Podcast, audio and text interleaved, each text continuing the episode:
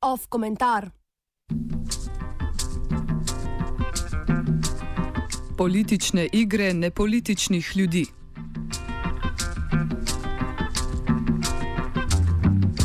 Četrtkov finale nogometne Evropske lige je prinesel obračun londonskih klubov Chelsea in Arsenala. Ker se finale odloča na neutralnem terenu, so nogometaši obeh klubov morali na nekaj tisoč kilometrov dolgo pot v Baku. Izbira azerbajdžanske prestolnice za prizorišče finala je sprožila kar nekaj kritik. V Arsenalu so tarnali zaradi premajhnega števila vstopnic za njihove navijače, zaradi omejitev letališča v Bakuju jih je bilo pred klubom dodeljenih po 6000, a obenem potožili, da na tako dolgo pot najbrž ne bo šlo niti teh 6000 ljudi.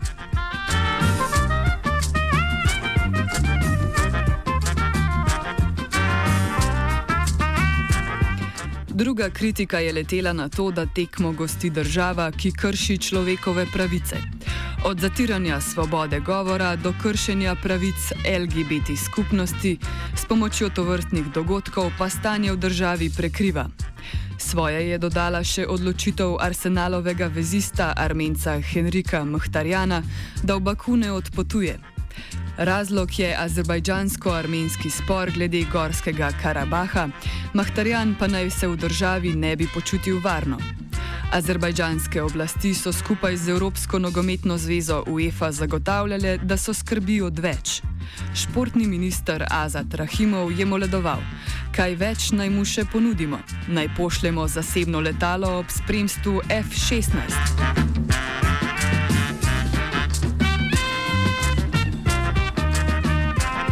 Pri Arsenalu so solidarnost z armenskim kolegom hoteli pokazati tako, da bi na ogrevanju nosili drese z njegovo številko in imenom, a je UEFA gesto zavrnila, saj naj bi kršila pravico glede nošenja oblačil s politično vsebino.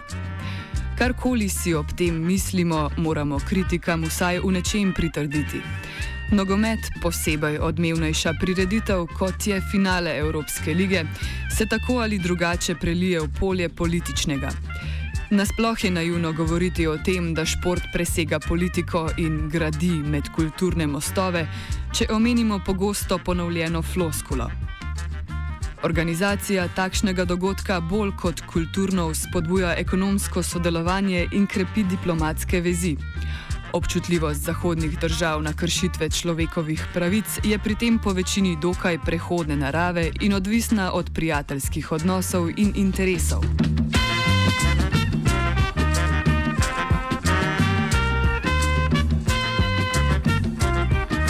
Skratka, politika je športom, kot z marsikatero drugo nepolitično panogo, neizogibno prepletena.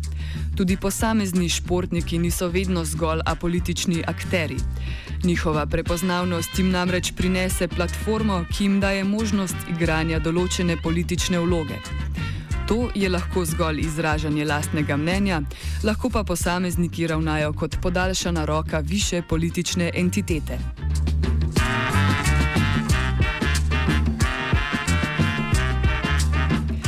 Čeprav je nehvaležno govoriti o tem, kaj igralec zaradi tren med državama dejansko občuti, tudi Mohtarjanovo odločitev vsaj delno lahko vidimo kot politično in ne zgolj kot skrb za lastno varnost.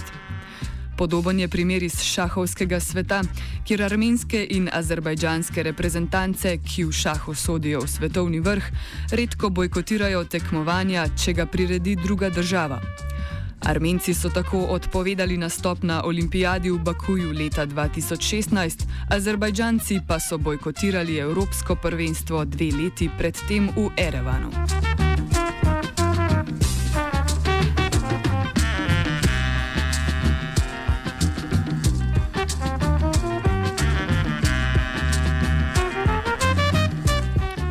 Nekoliko drugačen, a lep primer političnega boja športnika lahko vidimo naprimer na drugi strani luže, kjer v ligi NBA pozornost vzbuja turški košarkar Enes Kanter. Kantar se je zaradi podpore Fetulahu Gulenu znašel v nemilosti predsednika Ređepa Tajipa Erdoana. Zaradi razžalitve predsednika in suma sodelovanja s teroristično organizacijo, torej Gulenom, je Kantar pred leti izgubil potni list, obenem pa so turški tožilci dosegli, da je bila za njim izdana mednarodna tiralica. Kantar posledično tekme, ki se odvijajo izven ZDA, izpušča.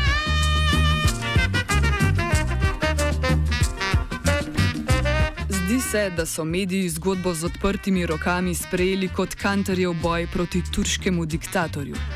Res ni treba predolgo razvijati teze, da je boj proti kantarju v Erdoanovih očeh nekakšno nadaljevanje političnega boja proti Gulenu. V praksi to pomeni, da glavni turški mediji o kantarju ne poročajo, tekem njegovega Portlanda, ki se je letos prebil med štiri najboljše ekipe v ligi NBA, pa niso prenašali a označevanje Kantarja za nekakšnega disidenta v boju za svobodo je milo rečeno pretirano. Tudi njegov boj je v dobršni meri političen, Kantar pa deluje kot zastopnik bivšega Erdo, Erdoganovega zaveznika in ideološko niti ne zelo drugačnega Gulena.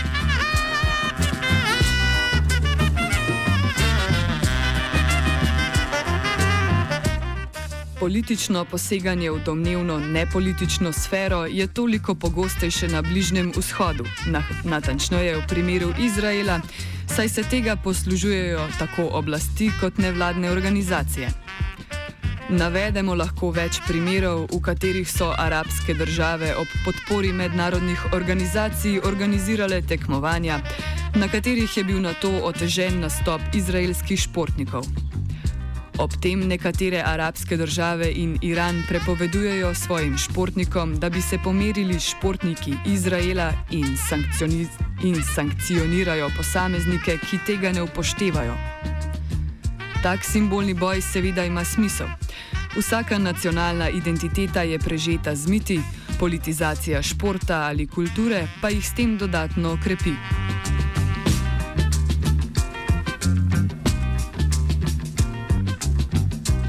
Bojkotiranje Izraela je leta 1958 privedlo do bizarnega primera, ko je izraelska nogometna reprezentanca v kvalifikacijah za svetovno prvenstvo brez boja slavila na vseh treh tekmah v Afriško-Azijski konfederaciji in se na prvenstvo uvrstila. Ker mednarodna zveza ni dovoljevala, da bi udeleženec svetovnega prvenstva tja prišel brez odigrane tekme, je Izrael moral odigrati še naknadni dvoboj proti Walesu. Brez uspeha.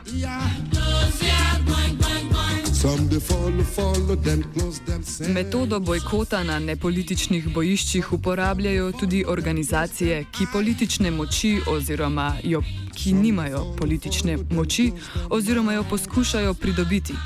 Primer je gibanje BDS, bojkot, dezinvestiranje, sankcije, ki s to vrstnimi metodami poziva k trem ciljem: koncu izraelske okupacije in kolonizacije arabskega ozemlja, priznanju temeljnih pravic palestinskih prebivalcev Izraela ter omogočanju vrnitve palestincev na njihove domove. If you follow, follow, make you open, sense open, yeah, open. Pozivi k bojkotu so vidni tudi v športu. Pripadniki gibanja so recimo lani dosegli odpoved prijateljske tekme Izraela in Argentine. Vseeno ima gibanje omejen domet, kar si lahko razlagamo s pomankanjem politične in ekonomske podpore strani zahodnih držav. Na vkljub temu, da je gibanje BDS doseglo določeno prepoznavnost, to naprimer ni preplečilo izraelsko-kanadskemu podjetniku Silvanu Adamsu, da bi v državo pripeljal kolesarsko dirko po Italiji ali Madono kot gostjo na Euroviziji, ki jo je nedavno gostil Izrael.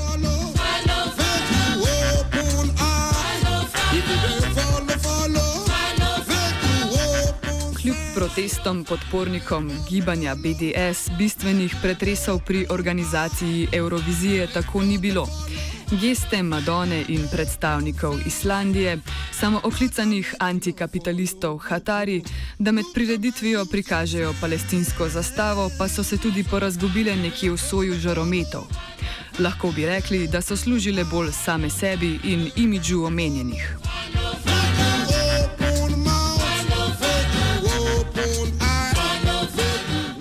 Ta primer morda bolj kot karkoli drugega ponazori, kako zelo je uspeh omenjenih političnih iger odvisen od ekonomskega faktorja. Organizatorjem, če kršijo človekove pravice ali ne, se, je, se ne bo treba bati, dokler jim bo strani držav Zahoda zagotovljen finančni priliv. Prav tako so brez skrbi posamezniki, kot sta Mohtarjan ali Kantor, dokler bo še naprej zagotovljena prepoznavnost, ki jim omogoča biti akter v teh mednarodnih političnih igrah.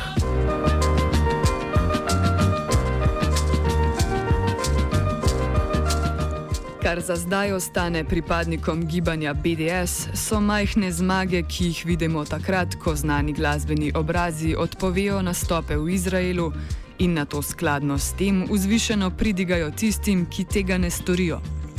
Ob tem spomnimo, da so bojkoti apartheidske Južnoafriške republike uspeli šele takrat, ko so v državah Zahoda dobili celovito finančno in institucionalno podporo, kar v primeru Izraela še ni na vidiku.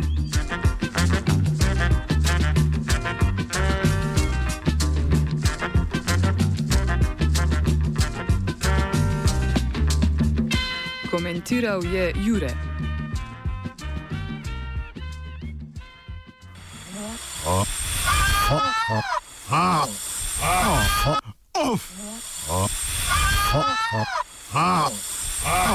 Off komentar.